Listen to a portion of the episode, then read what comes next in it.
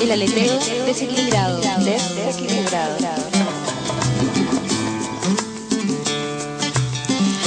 Pensando, hablando sobre nosotras, sentimos necesario compartir nuestras reflexiones críticas sobre lo privado, lo público, el espacio político, en lo cotidiano. Viviéndonos habitantes de una tierra fronteriza en la que día a día luchamos por no ser etiquetadas. El objetivo, Dejar en las ondas nuestros pensamientos feministas. crear nuestra tierra, Nuestro aire. nuestro dial. Desde el 2004 invitamos a otras voces a interrogar la normalidad patriarcal y atrevernos a escuchar otros mundos y miradas. Un programa para todos y todas los que sueñen con un mundo al revés. Otros mundos Para quienes quieran abrir su ventana al aire fresco. sin miedo a desnudar los feminismos. Sin miedo a mirar desde las fronteras. Queremos compartir nuestras miradas, hablar desde nuestra historia, escuchar y dialogar, reírnos de los estereotipos, ampliar los círculos. Llegamos murmurando a esta radio libre. Hablando de otras tierras, de otras formas de escuchar. Como buenas murmuradoras, transitando en los intersticios de lo decible, De lo indecible. sabiendo que no somos las únicas. El aleteo es una tierra intermedia. Posible en las ondas libres de contrabanda. Para todo aquel que habla en un mundo Casi siempre sordo. murmura ocupando los intersticios de las hegemonías. Transformando las etiquetas dadas, género, raza, clase. Es Espacio libre cuerpo abierto de experiencias, de visiones sueños y denuncias.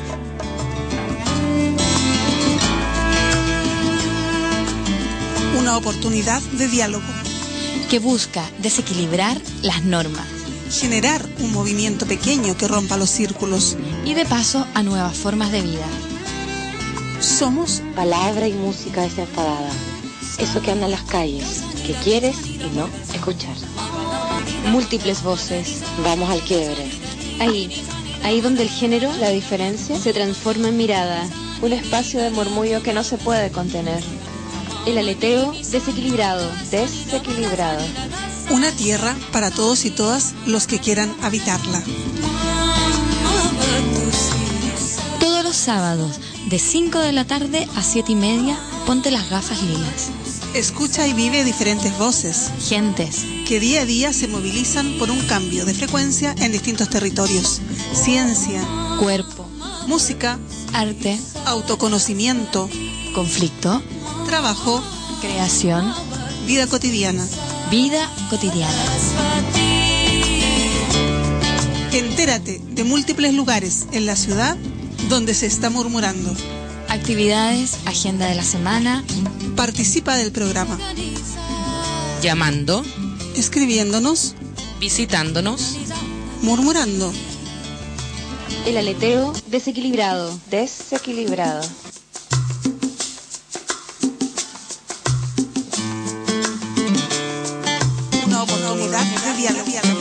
Que busca desequilibrar las normas Generar un movimiento pequeño que rompa los círculos. y de paso a nuevas formas de vida.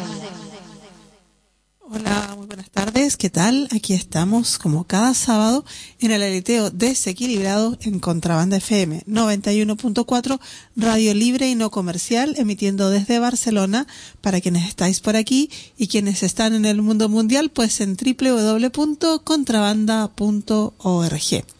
Y vamos a comenzar el programa de hoy con una información que nos han hecho llegar nuestras amigas de Chile, porque es muy bonito poder tener esta, esta, bueno, este tipo casi como de corresponsalía, ¿no? Donde gente de distintos sitios y, y en especial nos hace mucha ilusión desde Chile, nos informan de las actividades culturales que están ocurriendo allí. Así que con mucho cariño vamos a contar que va a comenzar en Chile la In Eight Café. Es una fiesta del cine, de la música y también de las historias en torno a ella. Durante 10 días, eh, la décima edición de este festival In Edit Nescafé ofrecerá 70 títulos de Chile y el extranjero que narran audiovisualmente el quehacer de los músicos alrededor del mundo, desde famosos profesionales a aficionados sin suerte, de talentosos olvidados a cantantes estresados, de las promesas del escenario actual al recuerdo de los que ya partieron.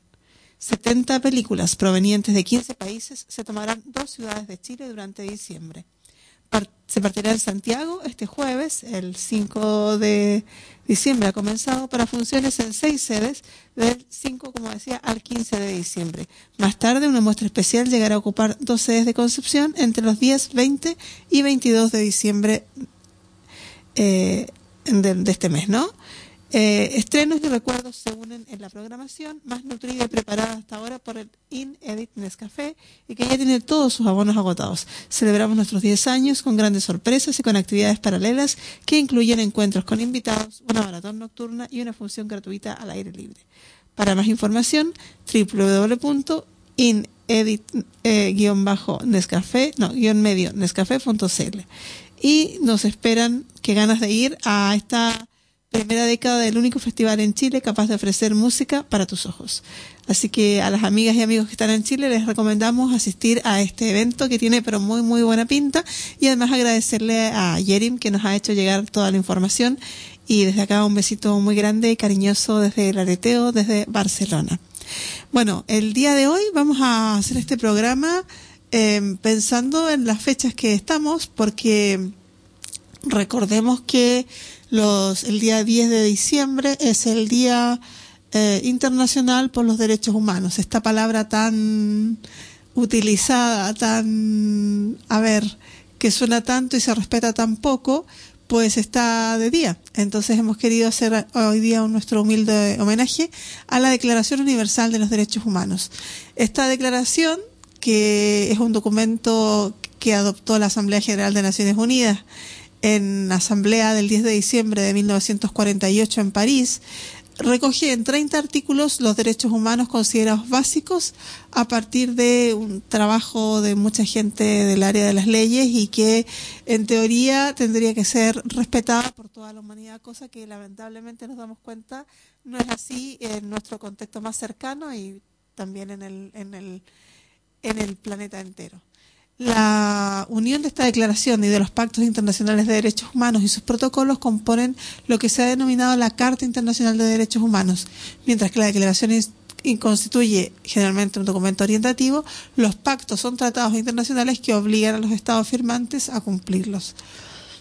Como decía, se cumplen eh, un aniversario más, en el 2008 fueron 60 años, ahora estaríamos en los 60 y, estamos a 2003, 63, 64, 65 años de esta declaración y em, tiene un preámbulo que dice que es esencial que los derechos humanos sean protegidos por el régimen de derecho a fin que el hombre, bueno, debería ser hombre y la mujer, ¿no?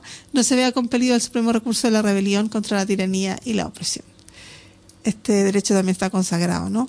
Se considera esencial promover el desarrollo de las relaciones amistosas entre las naciones y sí, el, considerando con mucha, con muchos aspectos como de, buenas intenciones que eh, sabemos que no, no se están cumpliendo. Vamos a hablar hoy día de las, bueno, de las 30 artículos de esta declaración y de qué manera se están incumpliendo varios de ellos en, en nuestro contexto. Así que sobre eso eh, nos pueden escribir a murmullo2004.yahoo.es o al Facebook, el aleteo desequilibrado, o también llamarnos al estudio que nos encanta al 93 317-7366, 93 317-7366, aquí en Contrabanda, en Barcelona, en esta radio libre y no comercial.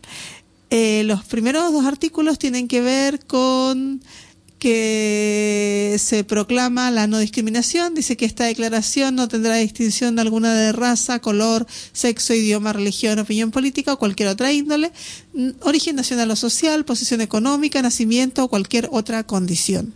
Además, no será distinción alguna fundada en la condición política, jurídica o internacional del país o territorio de cuya jurisdicción depende una persona, tanto si se trata de un país independiente como de un territorio bajo la administración no autónoma o sometida a cualquier otra limitación de soberanía.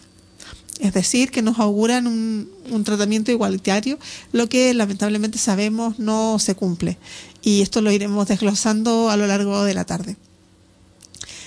Eh, entre el artículo 3 y el 27 eh, hay artículos que primero recogen derechos de carácter personal, que tienen que ver, por ejemplo, con que nadie estará sometido, dice, a la esclavitud ni a la servidumbre. La esclavitud y la trata de esclavos están prohibidas en todas sus formas. Esto habría que ver cómo son las condiciones laborales de muchas personas en el mundo que viven realmente condiciones de esclavitud y que nos parece que a pesar de estar en esta, en este, en esta declaración, esto no se cumple evidentemente. Otra, otro artículo, nadie será sometido a torturas ni penas o tratos crueles, inhumanos o degradantes. Toda persona acusada de delito tiene derecho a que se presuma su inocencia mientras no se pruebe su culpabilidad. Bueno, nos damos cuenta que estos artículos no se están cumpliendo y, por ejemplo, en Nadie será sometido a torturas, vamos a comentar un caso muy, muy próximo que tenemos acá en Barcelona que eh, es en los lamentablemente célebres centros de internamiento para extranjeros, donde vamos a comentar eh, la muerte de una persona de origen armenio que murió de eh, Alik, que tenía 32 años y que murió eh, al interior de un centro de internamiento para extranjeros y les vamos a dar noticias de esto más adelante. Vale, seguimos con la, esta declaración de derechos humanos que nos encantaría realmente que se cumpliese, que se respetara en todo el mundo, pero que nos damos cuenta que no es así. Eh, el artículo 12 al 17 recogen derechos del individuo en relación con la comunidad. Dice, Toda persona tiene derecho a salir de cualquier país, incluso del propio, y a regresar a su país. Toda persona tiene derecho a la propiedad individual y colectiva. Esto de toda persona tiene derecho a salir de cualquier país, incluso del propio, y a regresar a su país. Eh, Claro, esto de salir del país, a ver, depende de quién sea y qué condiciones tenga y qué posición económica tenga el país de donde sale para poder entrar o no a otros países. Sabemos todo lo que significa la, las fronteras y hemos estado aquí eh, en las campañas, apoyando las campañas de Tanque CIES y bueno, en toda la lucha por, por pensar realmente qué significan las fronteras en el mundo y qué perversión tiene que haya ciudadanos que, y ciudadanas que puedan pasar y no se dan ni cuenta de los privilegios que tienen porque pasan una aduana y no saben que para, para otras personas ese mismo trámite de pasar de un país a otro tiene unas dificultades muy, muy grandes porque se necesitan de visados, de permisos, de dinero, de, en fin, un montón de eh, condicionantes que las personas que vienen desde el primer mundo no lo sufren. Y en esto, bueno, reiteramos esta, esta reflexión que siempre hacemos de que no hay nada más difícil que ser consciente de los propios privilegios. Y en esto hacemos un llamado a las personas que nos están escuchando a ponerse un poco en la piel de las personas que no tienen papeles y más aún de las personas que están en estos horrorosos centros de internamiento para extranjeros que eh, aquí tan cerca, en la zona franca de Barcelona, eh, aprisionan gente solamente porque no tienen un permiso administrativo para estar en este país. Vamos a continuar comentando los distintos artículos de la Declaración Universal de Derechos Humanos porque creemos que es importante reflexionar sobre también, bueno, primero lo importante que ha sido tener este acuerdo de, de, derechos humanos, pero también darse cuenta de que no hay mecanismos de control real y que se incumplen constantemente. Eh, otro artículo, el artículo del 18 al 21, recogen derechos de pensamiento, conciencia, de religión, libertades políticas, porque dicen, toda persona tiene derecho a libertad de pensamiento, de conciencia y de religión. Este derecho incluye la libertad de cambiar de religión o de creencia, así como la libertad de manifestar su religión o su creencia individual o colectivamente, tanto en público como en privado, por la enseñanza, la práctica, el culto y la observación. Todo individuo tiene derecho a la libertad de opinión y de expresión.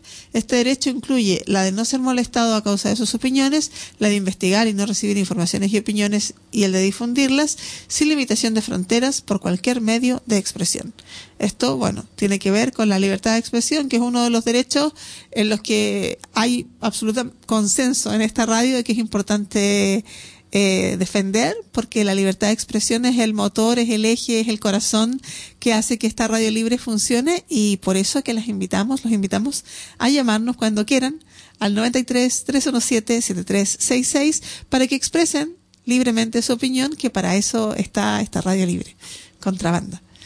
Bueno, de los artículos 22 al 27 se recogen derechos que tienen que ver con la economía social y cultural porque, y vamos, vaya tela lo, lo que se incumple aquí, Dice que toda persona tiene derecho a un nivel de vida adecuado que le asegure, así como a su familia, la salud, el bienestar y en especial la alimentación, el vestido, la vivienda, la asistencia médica. Esto al, al, calor del cambio de modelo que estamos viviendo hoy día en el Estado español realmente es tragicómico porque estamos eh, siendo espectadoras de todo un, un, cambio de paradigma donde se está privatizando la salud, donde está encareciéndose la educación, donde el estado de bienestar se está deteriorando día a día y donde efectivamente hay personas que tienen problemas para alimentarse. Eh, ha habido estudios en que se demuestra, ¿no? Esto, esto de los tupper que hay que pagar dinero para que los chicos lleven tupper a, a, los coles realmente es vergonzoso, porque no hay becas de alimentación suficientes.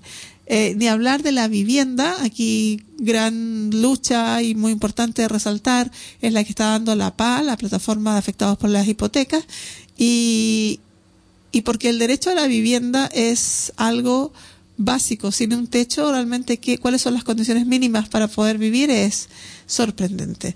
Del artículo 28 al 30, que son los últimos ya, se rescatan eh, los límites ¿no? de estos derechos que tiene que ver con que toda persona tiene derecho, que se establezca un orden social e internacional en el que los derechos y libertades proclamados en esta declaración se hagan plenamente efectivos. Bueno, esto es un poco de buenas intenciones porque como nos damos cuenta no se está cumpliendo y queremos desde aquí dar nuestro nuestro humilde reconocimiento a todas las personas que en todas partes del mundo están luchando para que los derechos humanos se defiendan. El derecho a la vida, el derecho al bienestar, el derecho a estar sin guerra, eh, son derechos que a nuestro parecer son muy importantes de, de defender y de que estén sobre la mesa y que, bueno, salgamos a la calle por eso. Hoy día vamos a estar acompañados musicalmente de un trabajo en portugués de Katia y les invito, les invito a quedarse con un tema de esta gran voz, de esta gran voz en portugués, Mao de quien podé, de Katia, en este aleteo desequilibrado. Seguimos hablando de derechos humanos a la vuelta.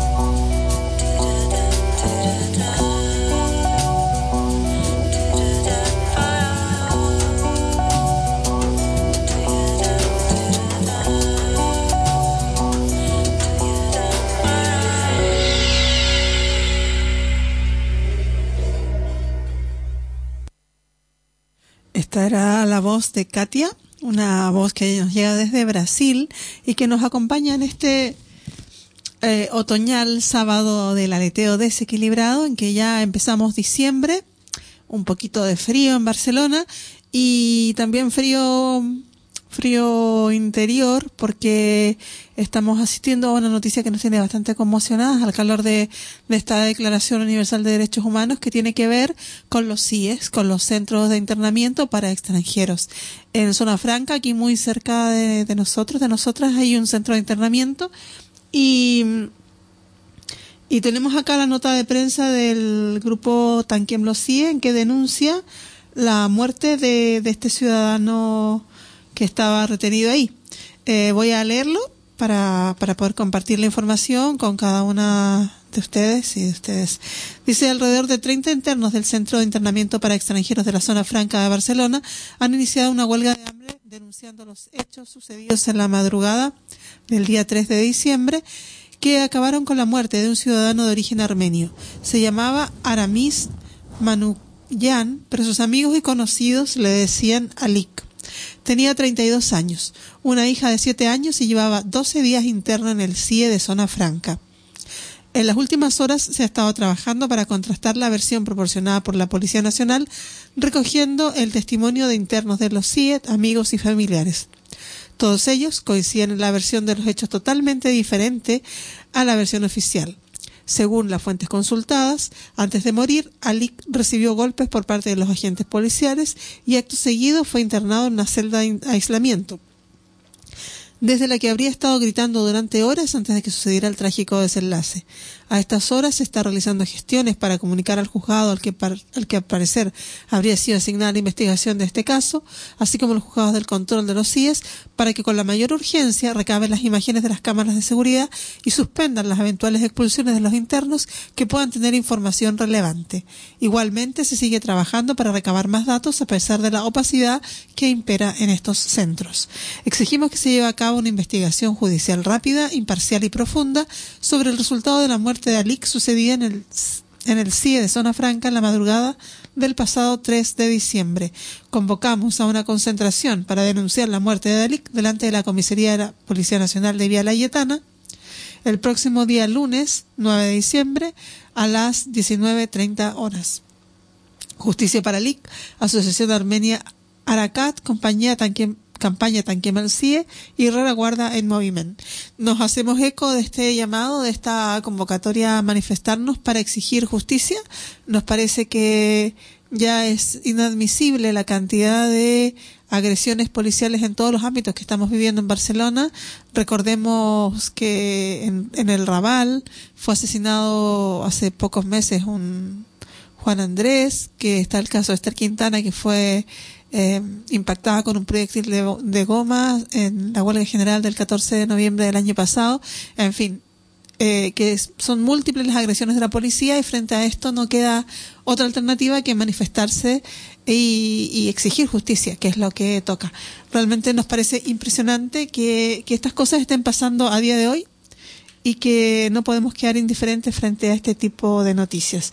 Así que desde aquí nuestro apoyo a la gente de Tanquem Lucía, a la gente que está en esta plataforma y bueno, invitarnos a cada uno de nosotros a participar de esta, de esta actividad que nos parece realmente, bueno, increíble. Seguimos entonces con este día que es el día en que se, que se escribió, el 10 de diciembre, hace 65 años, el, esta Declaración Universal de los Derechos Humanos, que crea unas bases jurídicas que, como decíamos al comienzo del programa, no se están cumpliendo. Si alguna oyente, si algún oyente quiere llamarnos para contar, al, denunciar alguno de estas estos eh, atropellos a los derechos humanos, puede hacerlo perfectamente al 93-317-7366. Bueno, eh,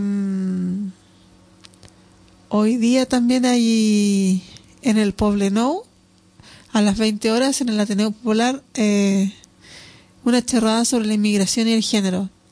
Tiene buena pinta esta charrada. Yo creo que estos son, son como las cosas que hay que hacer también, no ir pensando que, de qué manera nos sensibilizamos con, con las realidades tan extremas que están viviendo en Barcelona y que a veces, como no conocemos personas que estén en esta condición de sin papeles, pues no nos damos cuenta la, gravedad de, de, los atropellos, ¿no? O sea, que hayan, que haya muerto este chico después de 12 años, de 12 días, perdón, de, de prisión en el CIE, nos parece súper preocupante.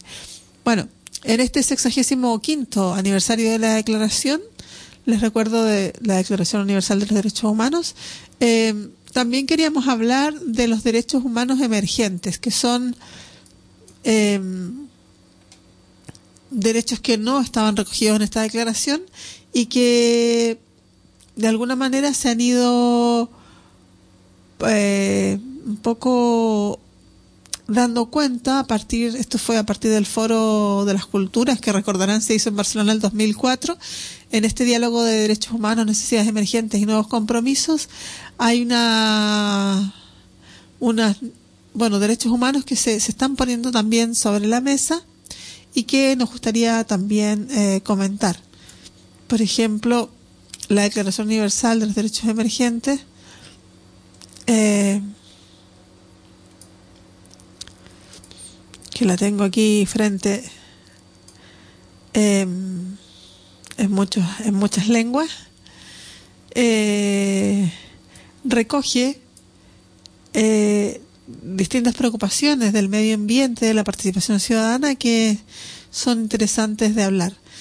Y en su prólogo esta, esta declaración dice que los derechos humanos son un conjunto de facultades que en cada momento histórico hacen efectivos los valores fundamentales de la dignidad, la libertad y la igualdad humanos. Esto muchas palabras, ¿no? Y vamos a ver cómo se cumplen, pero bueno. Y que están reconocidos positivamente por los ordenamientos jurídicos, bla, bla, bla. El Instituto de Derechos Humanos de Cataluña trabaja en el concepto y contenido de los derechos humanos emergentes desde el año 2002. En el marco entonces de del fórum eh, elaboró una propuesta de Declaración Universal de Derechos Humanos Emergentes que eh, ha contado con diversas personalidades para su elaboración. Eh, los expertos y las expertas presentaron documentos para debatirse y a partir de ahí se realizó un, eh, un proyecto de carta de derechos humanos emergentes y eh, que es un instrumento programático de la sociedad civil internacional eh, que está dirigido a los actores estatales y a otros foros, foros institucionales, para que se cristalice ¿no? la incorporación en el nuevo milenio de estos nuevos derechos humanos. Hace un catálogo de aproximadamente 50 derechos humanos emergentes que tienen eh, a la democracia como eje vertebrador, pero no solo en democracia, sino que una democracia que no es que no es solo formal, sino que real, se pueden satisfacer, dice esta declaración, plenamente todos los derechos humanos. Está el derecho al agua potable y a la sanidad, el derecho a la renta básica, el derecho a una formación continuada e inclusiva, el derecho a la paz, el derecho a vivir en un entorno de riqueza cultural, de conocimiento recíproco y respeto mutuo entre las personas y grupos de diferentes orígenes, lenguas, religiones y culturas, el derecho de la diversidad sexual, el derecho a la elección de los vínculos personales, junto con el derecho a la tutela de todas las formas de manifestación de la comunidad familiar, el derecho a participar activamente en los eh, en las actividades públicas, el derecho a la ciudad y derechos en la ciudad, el derecho a la movilidad universal, el derecho a ser consultado, el derecho al desarrollo, el derecho a la ciencia, la tecnología y el saber, el derecho a la verdad y a la justicia. La relación de derechos es, por tanto, dicen, heterogénea y ambiciosa. Y la voluntad de sus promotores no es otra que la de conseguir que en la mayor medida posible estos derechos dejen de ser emergentes para pasar efectivamente a ser reconocidos y aplicados en el plano nacional e internacional. Nos parece interesante que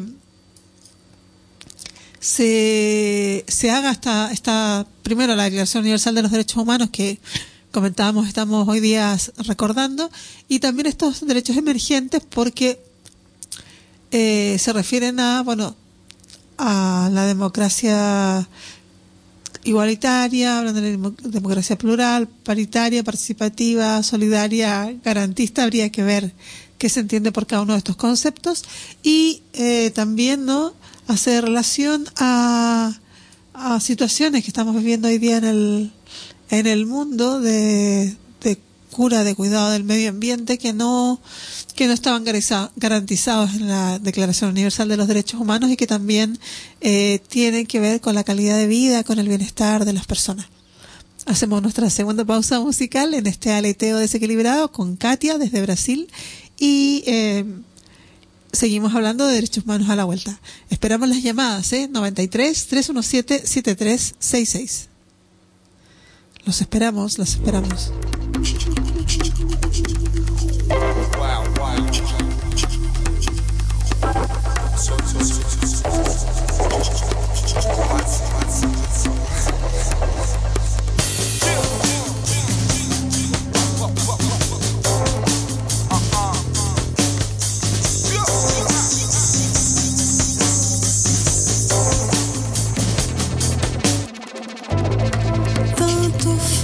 Pro amor a perda,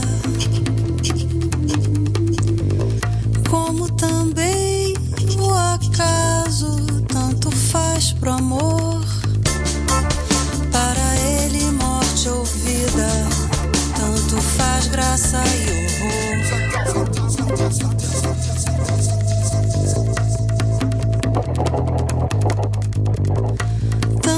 Tantas coisas em seu nome são ditas. Tantas juras, tantas pragas, tantos atos.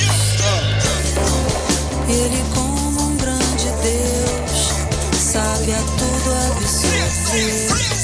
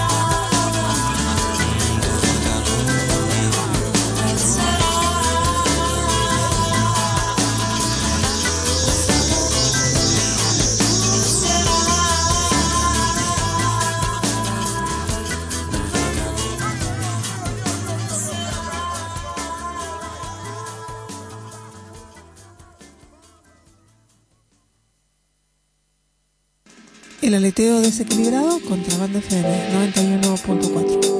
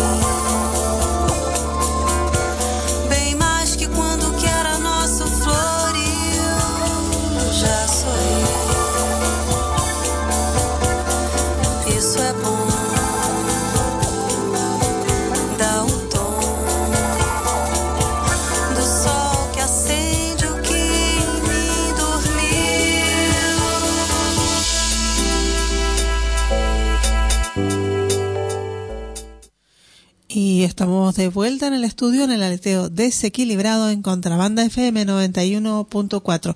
El día de hoy estamos hablando de derechos humanos porque se cumplen 65 años de la Declaración Universal de los Derechos Humanos de las Naciones Unidas y estamos haciendo un pequeño repaso para darnos cuenta cómo se incumplen lamentablemente. Eh, a día de hoy estamos también haciendo un pequeño homenaje muy modesto para lo que él merece realmente a Nelson Mandela, que ha muerto recientemente, este hombre que terminó con el apartheid en Sudáfrica, que se pasó décadas prisionero y que luchó hasta conseguir no el fin del apartheid. Nos parece un personaje súper importante y al calor de, de lo que mm, de lo que él decía, queríamos comentar los derechos humanos porque Mandela decía que si no hay comida cuando se tiene hambre, si no hay medicamentos cuando se está enfermo, si hay ignorancia y no se respetan los derechos elementales de las personas, la democracia es una cáscara vacía, aunque los ciudadanos voten y tengan un parlamento. Nos parece que es como una frase muy pertinente de hablar el día de hoy porque la democracia es una palabra que se vacía de sentido si realmente los derechos fundamentales de las personas se violentan. Y es lo que estamos viendo día a día en, en el mundo. Estábamos comentando recientemente la, muerte de un ciudadano armenio en los centros de entrenamiento para extranjeros de, de Zona Franca aquí en Barcelona y también reiterar la convocatoria a la manifestación que va a haber el lunes a las siete y media de la tarde frente a la Policía Nacional en Vía Layetana para exigir justicia y que se aclaren eh, estas situaciones. Tenemos una invitada y estamos súper contentas que ha llegado a acompañarnos nuestra amiga la Marce. Hola Marce, si, a ver si, si, si te escuchamos. Hola. Hola, Bea. Sí, perfecto, bienvenida. Gracias. Para seguir conversando sobre estos derechos humanos que se que se escuchan tan bonitos en la Declaración Universal, estos 30 derechos univers- de, de la Declaración Universal y que lamentablemente se van incumpliendo tan a menudo. Eh, estamos así haciendo un recuento muy rápido porque claro, no vamos a leer todos los 30 derechos humanos así uno por uno, tampoco somos juristas ni mucho menos, pero digamos, el, el artículo 1 ya de la Declaración Universal dice, todos los seres humanos nacen libres en- e iguales en dignidad de derechos y dotados con la razón y conciencia y deben comportarse fraternalmente los unos contra los, con los otros. Y yo decía contra los otros porque, claro, en este mundo tan, tan violento y con tanta guerra, ¿no? Es como una aspiración que no se cumple. No se cumple si vemos las noticias en que eh, hay bombardeos, muertes, asesinatos y todo este tipo de situaciones que, que justamente lo contrario del espíritu de esta declaración. Eh, es una declaración donde se plantea la igualdad de derechos y libertades, sin distinción de raza, color, sexo, idioma, religión. Y bueno, reitero, está el caso de los centros de internamiento para extranjeros, que es una muestra súper clara de que no se cumple esto de que no hay distinción, porque depende de qué pasaporte tengas, puedes o no entrar a algún lugar, puedes o no hacer uso de movilizarte, moverte, eh, tener o no permiso de trabajo, son muchísimas las posibilidades de postular a distintas cosas, según dónde naciste, según eh, eh, el pasaporte, son, son cosas súper violentas. Yo no sé, Marci, si tú quisieras contar algo de, de esta reflexión que, que marca no como el, el también tener privilegios y reconocerlo es lo más difícil, porque las personas que nos están escuchando a lo mejor nunca han tenido que hacer una fila de extracomunitarios y no saben lo que es pasar un aeropuerto y, que te retengan o que te pongan problemas o que te pidan visa o tipo de cosas que pasamos las personas que no tenemos pasaporte comunitario. Bueno, era un poco en la misma línea de lo que decías, Bea, antes. Eh, me parece que, eh, a ver, que tal y como está hoy pensado el sistema, sí, sí que necesitamos de, y, evidentemente son muy necesarias este tipo de declaraciones. Eh, pero lo más importante es que no solo a modo decorativo estén incluidas en las constituciones de los diferentes países, sino que, que tengan un cumplimiento de hecho, ¿no? Y esto es lo que pasa lamentablemente con tantas de estas declaraciones que a nivel legal eh, constituyen un avance y, y, que tienen un contenido muy interesante, pero que luego a la hora de la cotidianidad, del día a día de todas las personas que, que vivimos aquí, pues esto no es eh, No esto no no es factible en la práctica cotidiana.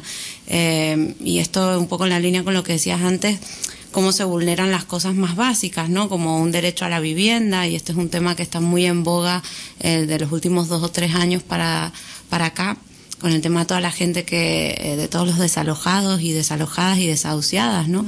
Eh, y, y los estados siguen siendo indiferentes ante este tipo de, de vulneración y siguen sin tener represalias a nivel de los eh, a nivel internacional, ¿no? A nivel de comités internacionales, eh, pues no ha habido ningún tipo de sanción, por ejemplo, por este, por esto, lo mismo que el derecho a la salud, una, una salud que cada vez es menos universal eh, y menos gratuita para todas y para todos, ¿no? Entonces, eh, mm, eh, yo creo que estamos en una situación donde viene muy bien reflexionar sobre el tema de derechos humanos porque justamente estamos en un punto de quiebre y de mucha vulnerabilidad donde eh, cada vez los derechos que parcialmente se habían adquirido se están perdiendo progresivamente, ¿no? Y parece que todo esto queda en, un, en el terreno de la impunidad. Claro, bueno, y España lamentablemente el Estado español da cuenta de, la impunidad porque, por lo menos a mí cuando llegué, una de las cosas que más me impresionó es la total falta de recuperación de la memoria histórica que tiene que ver, por ejemplo, con, el, con la dictadura franquista, que se hace patente en que tengan que ser tribunales de otros países los que intenten juzgar militares asesinos de aquí, que que aquí no se ha hecho nada, no no hay reparación, no hay no hay intento ni siquiera de, de verdad, porque la gente, los casos quedaron absolutamente bueno enquilosados o metidos dentro de algún cajón, pero no no a pesar de la lucha súper tenaz y constante de, familiares de víctimas, no se ha sido capaz como sociedad española de, de poder hacer un, gesto de, de realmente recuperación de la memoria histórica, de decir lo que pasó aquí, las atrocidades de la guerra y de la, de la dictadura franquista y, y dónde están toda esa gente que, que fue desaparecida, que fue asesinada. que quedó enterrada en algún lugar que no se sabe. Eso, por ejemplo, es una violación flagrante a la Declaración Universal de Derechos Humanos que, sin ir más lejos, tiene como ubicación territorial este Estado, este Estado español. Eh, y bueno, las la declaraciones a mí me gusta me gusta como ejercicio de, pensar qué es lo básico, ¿no? qué es lo que realmente las personas necesitamos, pero como tú bien decías, eh, es darse cuenta también de que hoy día la sociedad que tenemos vulnera estos derechos y que es importante salir a la calle para mí a defenderlos.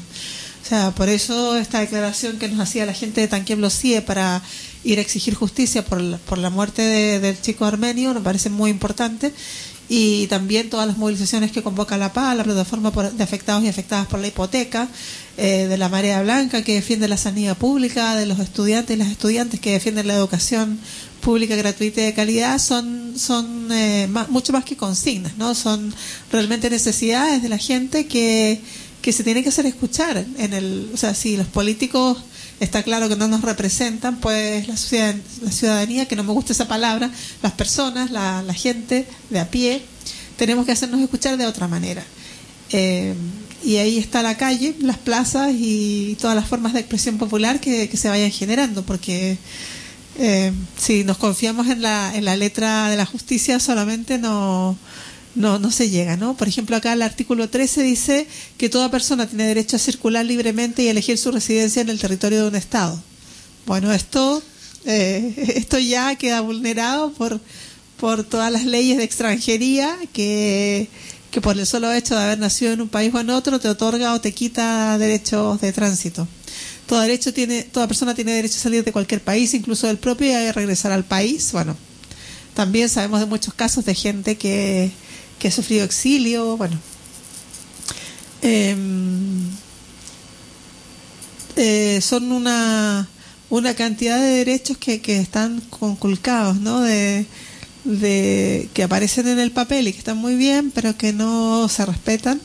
También hablamos, por ejemplo, el- el- la abolición de la esclavitud y yo comentaba las condiciones laborales en que muchas personas están trabajando hoy día en, en Nepal.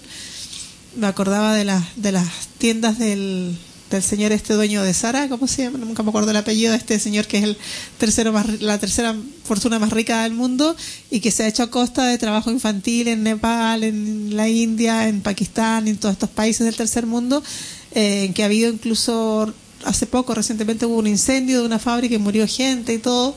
Y bueno, era por la explotación que, bueno, es una forma moderna de esclavitud, básicamente.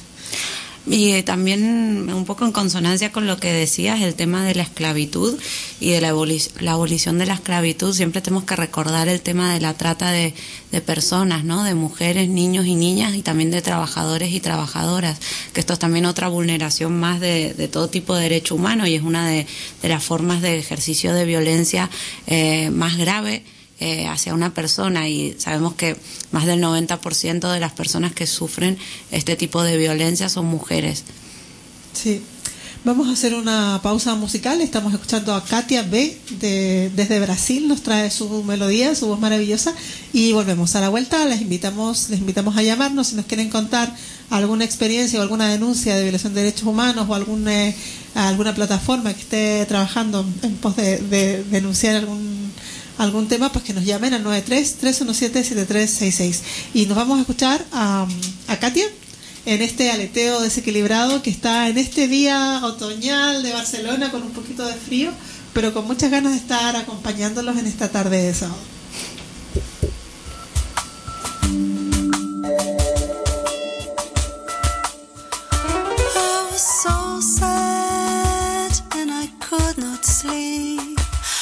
So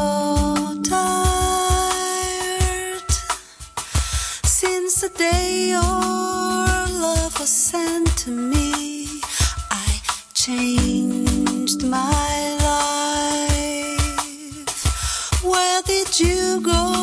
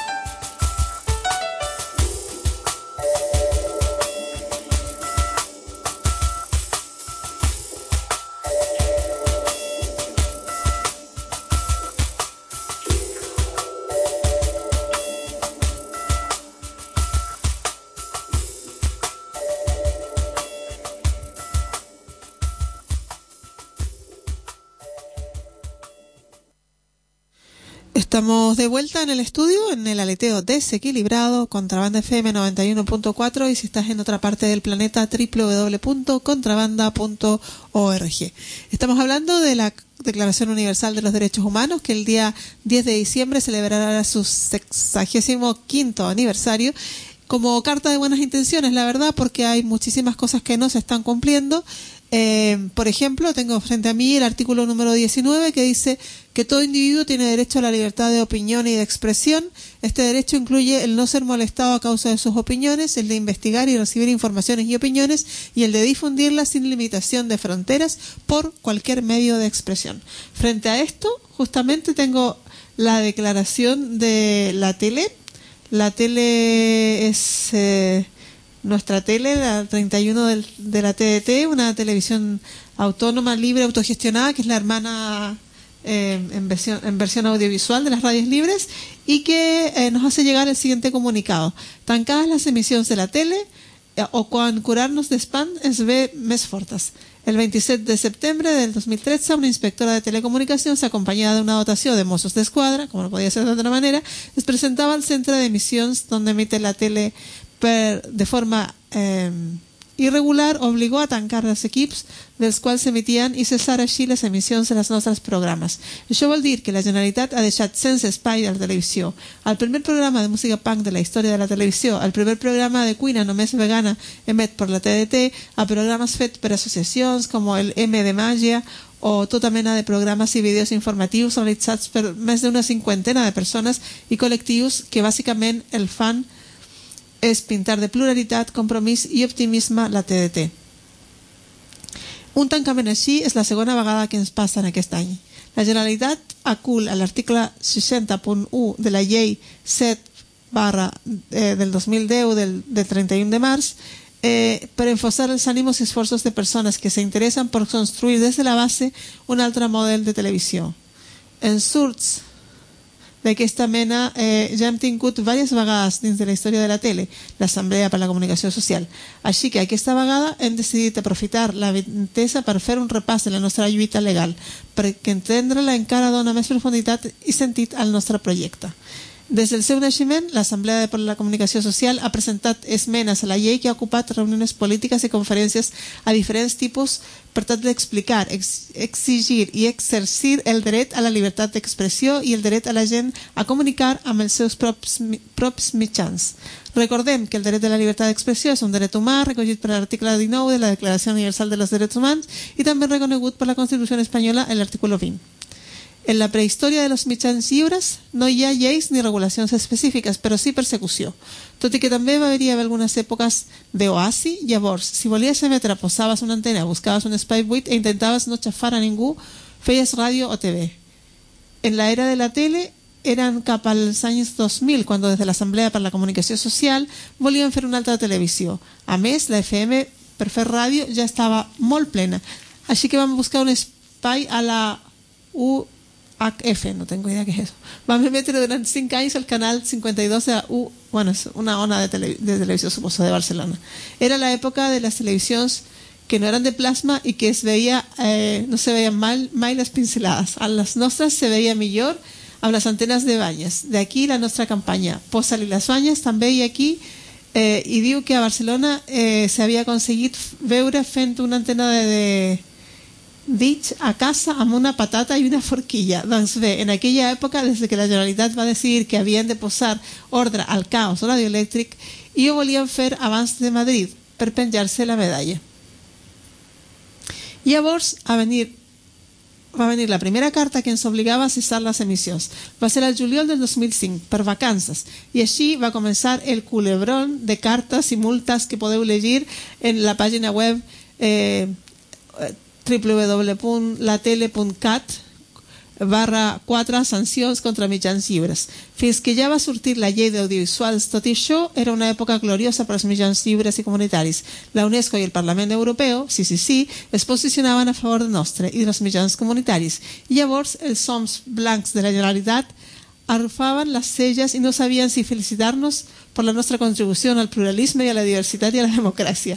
El 2005 van aprovar-se la Llei de Comunicació Audiovisual a Catalunya, la versió primera de la llei que ara ens ha tancat. Catalunya va ser llavors la primera autonomia en reconèixer l'existència dels mitjans sense ànim de lucre, en tant que el tercer sector al costat del públic, governamental i el privat comercial. Això va ser gràcies a les nostres esmenes, que estan també publicades en la pàgina web de la tele. La vida más allá de la ley y comienza a contar con, con la, como la tele se mantiene con una lucha bastante constante de poder emitir en la TDT y toda la regulación que eh, quería caer sobre su cabeza. La tele està viva, cada vegada que ens enfrontàvem al tancament o aquesta mena de ricoreses legalistes ens que la tele era vital. És vital per construir formes més intel·ligents d'organitzar-nos i crear mitjans on tinguin cabuda les persones. I els grups socials i sí, la veieu a l'apartat de la lluita legal del nostre web, inclús comprovareu que la tele també és vital per explicar com funciona la Generalitat, que per fer decrets i lleis que afecten comunicacions socials. Això sí que és media literacy, alfabetització mediàtica, i no segons quines eh, accions financiades que ara estan de moda. La tele, que este es medio de comunicación sin ánimo de lucro y abierto, abierto toda la participación, cientos de personas han pasado por la tele. Se han formado, han aprendido, han compartido y debatido y organizado una televisión innovadora y que se sostiene gracias al interés de las personas una verdadera herramienta de comunicación. La tele es mucho más que una televisión como las otras y seguro que en breve tornaremos a estar emitiendo. Somos muchos los que estamos trabajando y que hemos trabajado para lo que se tiene ya. Y siempre... Eh, salimos. ¿Quieres saber por qué? Mira la tele.cat. Así que desde aquí nuestro apoyo, nuestro reconocimiento, nuestro abrazo y ánimo a las compañeras y compañeros que hacen la tele y estamos seguras que la lucha que están dando tiene que eh, dar frutos de que vuelvan a emitir porque nos parece absolutamente un atropello este artículo número 19 que se cierre la tele. Bueno, es la misma situación que vivió Contrabanda hace un tiempo atrás que también estaba la amenaza de, de, de bueno, de obligarnos a dejar de emitir en el caso nuestro porque nos querían eh, sacar la antena. Bueno, son distintas estrategias legales, pero básicamente la idea es evitar el pluralismo y, la, y, la, y la, el ejercicio de la libertad de expresión. Como, esta, como estos ejemplos de, de censura que parecen ridículas a día de hoy, pero que sí que se están dando, eh, hay muchos y mu eh, muchas versiones de esta democracia que, que es una desgracia porque en realidad no es democracia, como decían los gritos de las consignas, y que nos parece súper importante que los medios de comunicación alternativos libres sigan emitiendo, que las personas que escuchan, que ven radios libres y televisión libre, también participen, se hagan, se hagan parte de esta lucha por defender este medio, que, que es un medio de, de, toda la gente, no es un medio nuestro y no es para que ni el aleteo, ni la tele, ni ningún programa de contrabanda eh, sea... Eh, dueño de este espacio, sino que es un espacio que esperamos que sea útil a, toda la gente que quiera hablar. Y por eso siempre invito a que llamen al 93 317 7366 si quieren decir eh, algún comentario de alguna reivindicación que, que esté pasando por sus barrios, por sus organizaciones sociales. Mm, ¿Te parece si hacemos otra pausa musical? Que ya nos hemos dado mucho rollo y esta voz es muy bonita. Estamos escuchando a Katia B, una brasileña que nos ha venido a acompañar en esta tarde otoñal. Y vamos a escuchar la siguiente canción. A la vuelta, un poco más de derechos humanos. A ver. Se for um desejo, eu peço pra me guiar. Se for um segredo, eu deixo me carregar. Se faltar coragem, eu rezo pra abençoar o negro que vem chegando e logo vai desabar.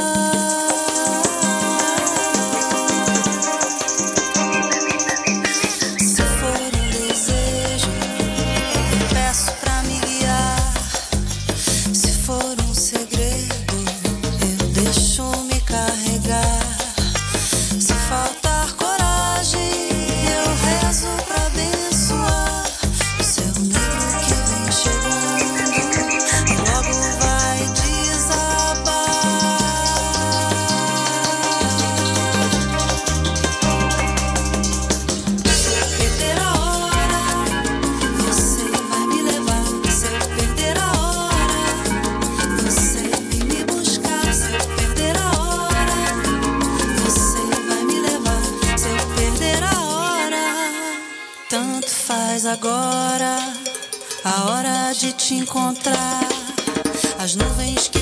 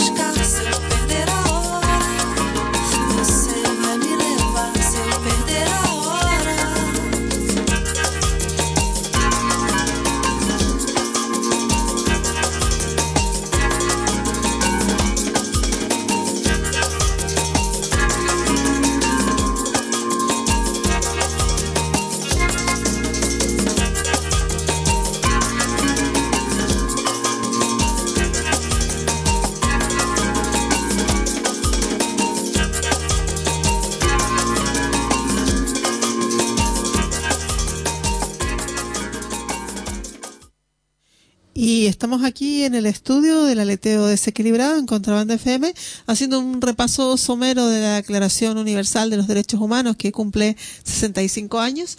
Y nos encontramos con el utópico y sorprendente artículo número 25 que dice que toda persona tiene derecho a un nivel de vida adecuado que le asegure, así como a su familia, la salud y el bienestar y en especial la alimentación, el vestido, la vivienda, la asistencia médica y los servicios sociales necesarios tiene asimismo derecho a los seguros en caso de desempleo, enfermedad, invalidez, viudez, vejez y otros casos de pérdida de sus medios de subsistencia por circunstancias independientes de su voluntad. La maternidad y la infancia tienen derecho a cuidados y asistencia especiales. Todos los niños nacidos del matrimonio fuera de él tienen derecho a igualdad de protección social. Pues este, este es uno de los derechos que realmente bueno, súper vulnerado, como bien decías Marcela, es cosa de ver el tema de la plataforma afectada por la hipoteca y toda la lucha que tienen por defender la vivienda, que es un tema clave para tener un techo básico, para tener un mínimo de bienestar. Eh, la salud pública que hoy día está siendo desmantelada con el intento, bueno, más que intento, con, con la efectiva privatización que están sufriendo muchos centros y muchos servicios.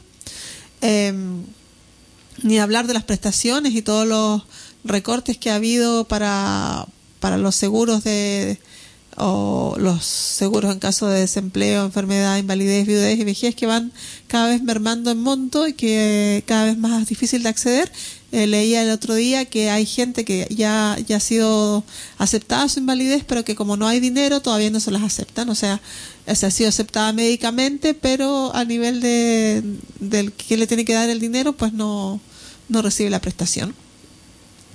Esto, esto se ve en las calles, también a mí me ha impresionado mucho el aumento de mendicidad que se ve en las calles porque evidentemente dada la situación económica y dada la falta de trabajo, con un 50% de paro juvenil, con mucha gente mayor que con sus pensiones de, de, de jubilado de jubilada mantiene la familia de su hijo o de su hija, no, no, no hay posibilidad, ¿no? De, o sea, la vida, la calidad de vida se está deteriorando a pasos agigantados y hay gente mayor que está pidiendo comida en las calles mucho más que antes.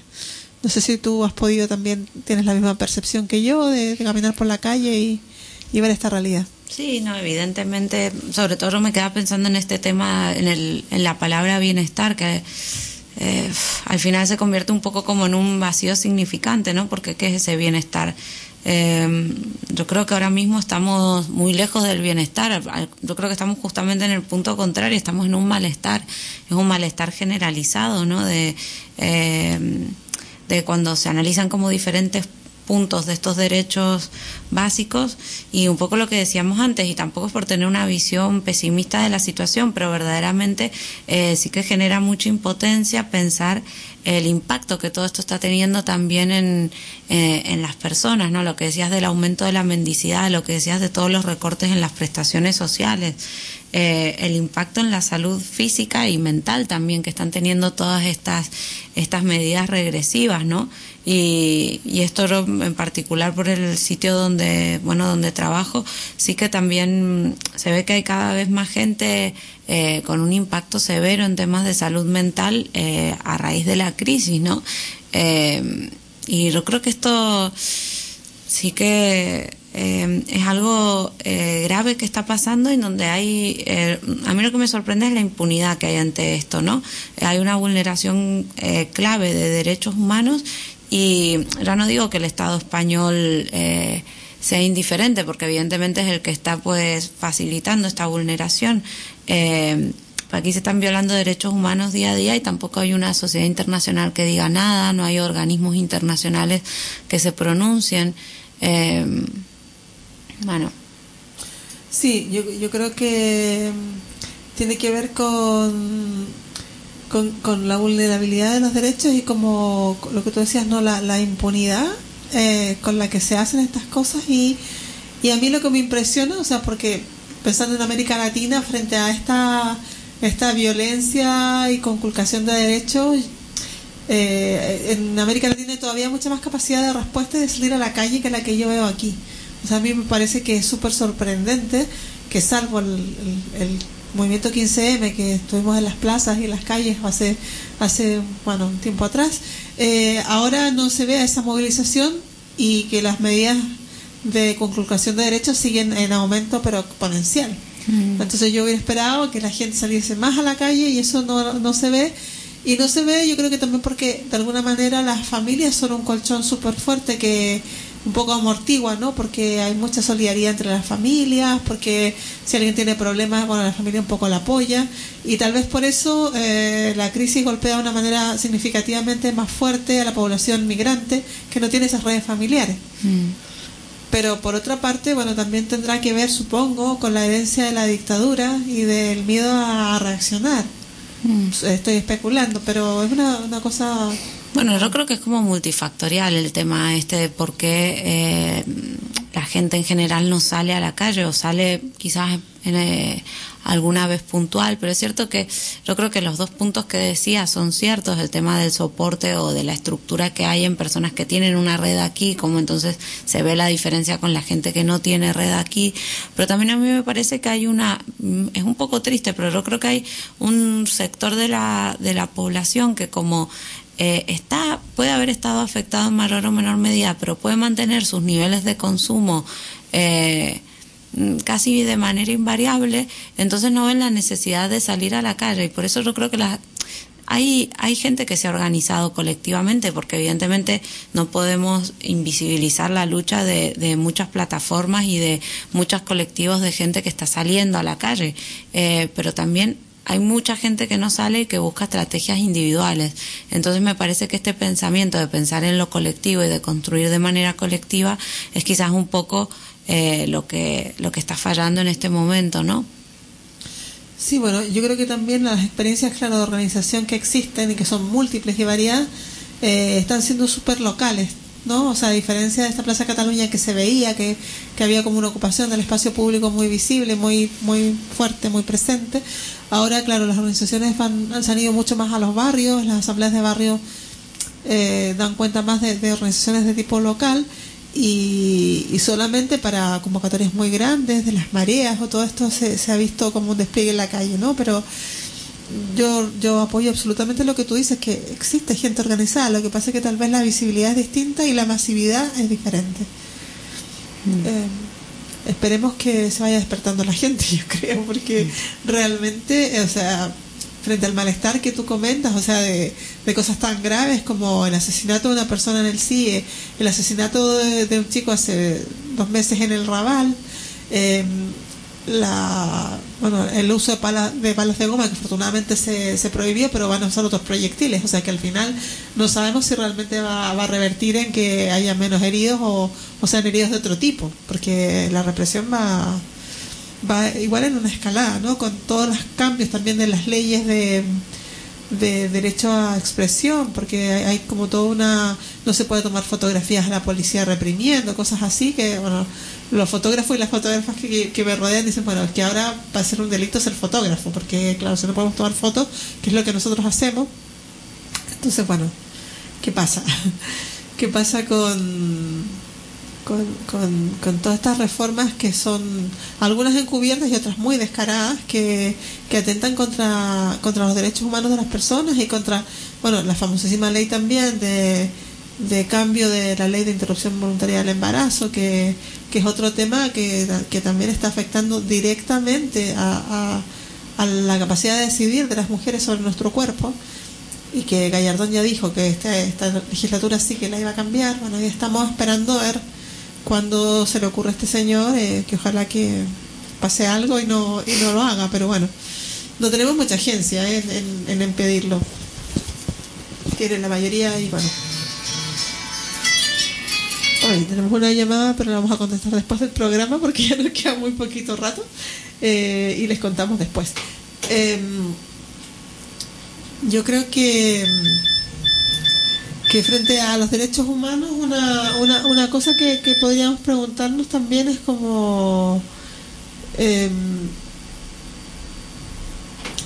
sobre de, de, qué manera eh, se crean más alianzas o más complicidades entre distintas luchas sectoriales que yo también creo que a veces eh, se ha logrado confluir pero a veces van como muy separadas ¿no? y yo veo que que es súper importante, como crear alianzas de, de, las distintas luchas que se tienen que, que, generar, porque es en la medida que nos articulemos, las personas de a pie, y que po- podamos hacer escuchar nuestras reivindicaciones. Yo voy dos veces a la semana al barrio de, Tetuán, porque trabajo ahí, y mm, cada 15 días, los días jueves, la gente del... Ay, ahora no me voy a acordar del barrio, pon- pongamos la Verneda, pero puede ser que me equivoque de barrio, ¿eh? Lo siento por las personas si nos está escuchando alguna de ahí, podría llamar y aclarar. Pero bueno, las personas usuarias del CAP de, de, una, de, de una zona, de un barrio popular y de la parte norte de Barcelona, cada 15 días van y hacen una funa a la, al área donde vive eh, el ministro de, o sea, el ministro, el consiller de Sanidad, que ahora tampoco me acuerdo ni el nombre, pero que vive por Tetuán.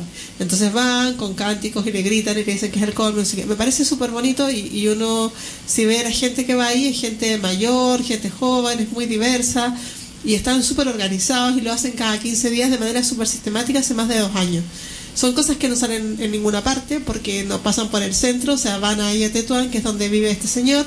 Ya los vecinos los conocen, ¿no? Y al comienzo empapelaban el edificio y todo esto. Ahora ya no pueden entrar, tienen, hay más restricción de, de acceso, pero, pero sí que se dedican a, a denunciar la situación de, de merma de la sanidad pública. Y me parece un acto súper potente que debería más gente como saber lo que están haciendo, imitarlo, bueno, porque en la medida que estas personas sientan que en realidad hay una hostilidad civil, o sea, de las personas hacia, hacia estas políticas, eh, con presión de ciudadana es como la única manera que se me ocurre que puedan, po- podamos un poco frenarlos, porque evidentemente eh, sus intereses económicos están en juego y, y bueno, cada dos por tres sale un ex consejero de sanidad de, don- de no sé dónde, en Madrid hay varios casos, que después son consejeros de, la- de las áreas privadas que han privatizado y entonces es como la corrupción pero más descarada, más abierta y más, más impune. Aquí tenemos el caso de los periodistas de Café Amguet, que en Girona hicieron toda la denuncia de la, de la sanidad pública y bueno, que fueron multados. Porque claro, denunciar significa multas para atentar contra la honra de este, de este personaje y en cambio eh, que él nos estafe y nos robe del, del erario público todo lo que quiera, pues no pasa nada, ¿no? Hay una impunidad. O sea, yo creo que hay muchas acciones que se están haciendo pero que no se conocen tanto. Y en ese sentido yo creo que hay que decirle a las personas que se aprovechen de que existen estos poquitos medios libres y que llamen y que cuenten y que expliquen lo que están haciendo, que es muy importante que más personas sepan que, estos, que estas acciones de denuncia están ocurriendo en distintas partes del territorio y que se creen redes de, de apoyo, ¿no? De, de, de un poco hacer vocería y que la, voz resuene más fuerte. Eh, vamos a poner el último tema musical y ya al final, eh, bueno, pues hacemos un pequeñísimo recuento de las actividades que tenemos para la semana. Estás escuchando el aleteo desequilibrado en Contrabanda FM 91.4.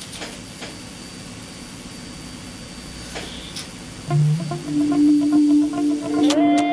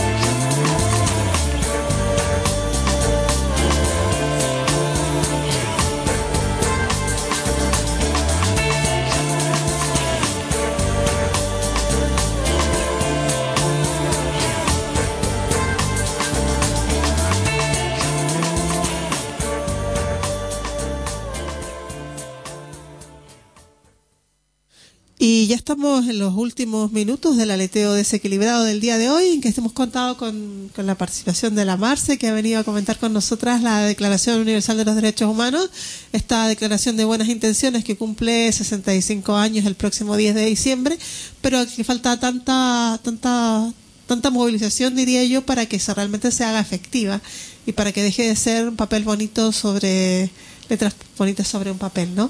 Eh, las invitaciones que teníamos para, para recordar de la agenda tienen que ver con el día lunes a las siete y media de la tarde frente a Policía en Vía Layetana, la sede de la Policía Nacional, hay una movilización convocada por Renaguardia Moviment, por el Tanquem CIES y por la comunidad armenia para exigir justicia en el caso de Arik, un chico de 32 años que fue encontrado muerto en el Centro de Internamiento para Extranjeros de, de Zona Franca en Barcelona y que eh, ha sido en circunstancias muy sospechosas. Entonces la, la demanda es a que se investigue, que se clarifique este, esta muerte, porque realmente no es posible que una persona más muera en manos de la policía en Barcelona. Ya hay, hay precedentes y, y no se confía en la versión oficial de la policía, que evidentemente dice que fue un accidente o lo que fuera, ¿no? Entonces a las siete y media de la tarde el lunes es una primera convocatoria. También hay más convocatorias que que voy a encontrar por aquí, que se me pierden cuando las quiero contar, pero de actividades culturales y bueno, acá tengo otra vez la... También se está haciendo en Madrid la visibilización de, de, la, de la muerte de Alik eh, y ya se está haciendo una campaña a nivel estatal. Esto nos llega desde el Tanqueblo CIE de Madrid. Nos parece súper importante también en esto que decíamos de las alianzas, ¿no? Que una cosa que pasa en un local, en un lugar concreto, como en este caso Barcelona, se pueda se pueda también eh, extender al, a, otros puntos del Estado. También desde, desde el local nos cuentan que van a, van hacer, pintemos el mural Justicia para Juan Andrés Benítez dentro de las jornadas contra los abusos del poder eh, de Pedro Álvarez a Juan Andrés Benítez. Pedro Álvarez es un chico que fue asesinado hace 20 años en Hospitalet por la policía y Juan Andrés Benítez el último asesinado en el Raval eh, recientemente, 21 años de impunidad policial. Y entonces el 14 de diciembre, que es el próximo sábado, creo, de 11 a 17 horas en la, car- en la carrera Aurora, del, que es donde fue encontrado Juan Andrés Benítez, donde fue asesinado, eh, se va a hacer esta pintura mural. Con, terminando con un scratch musical. Así que esta es la invitación que nos llega también desde, desde la Asamblea del Raval para, para participar. Antes de escuchar el aleteo de la próxima semana, pues nos podemos ir a pintar un poquito el mural de mm, Pro Impunidad, que nos parece súper súper importante. Eh, y tenemos acá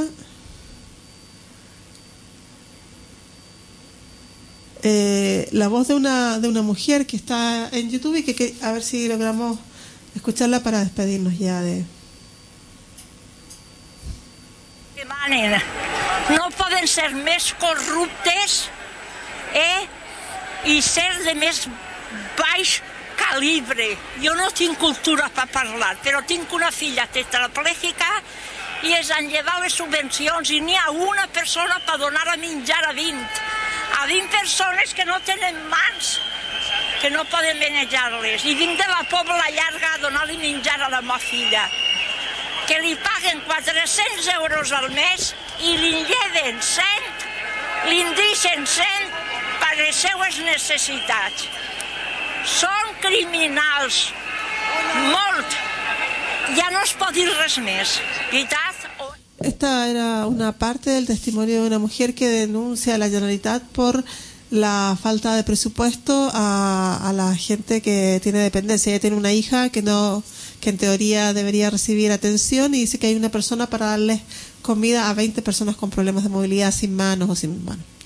Eh, indignadísima está, como todas nosotras, como todos nosotros, porque nos parece que, y ella está frente a la Generalitat ahí haciendo una manifestación y haciendo una denuncia de, de- de la situación eh, a la que están siendo afectadas todas las personas con dependencia. Eh, para, para finalizar, no sé si, si coincidirás conmigo en, la invitación a, a seguir tejiendo redes, que es lo que nos queda, y a seguir reflexionando de qué manera las personas nos volvemos a tomar la calle. Podemos pensar también en hacer redes de apoyo mutuo, que yo creo que son súper importantes, dado el contexto que hay, no tan adverso y tan difícil, porque en la medida que las personas nos movilicemos podemos cambiar la situación. Claro que sí, Bea, claro que estoy de acuerdo y encantada de que tejamos redes juntas. Perfecto, pues un gran, gran abrazo a todas y a todos, un saludo cariñoso desde el aleteo y nos vemos como siempre la próxima semana a las cinco y media de la tarde en Contrabanda FM 91.4. Adeu, que vaya bien. Buena semana.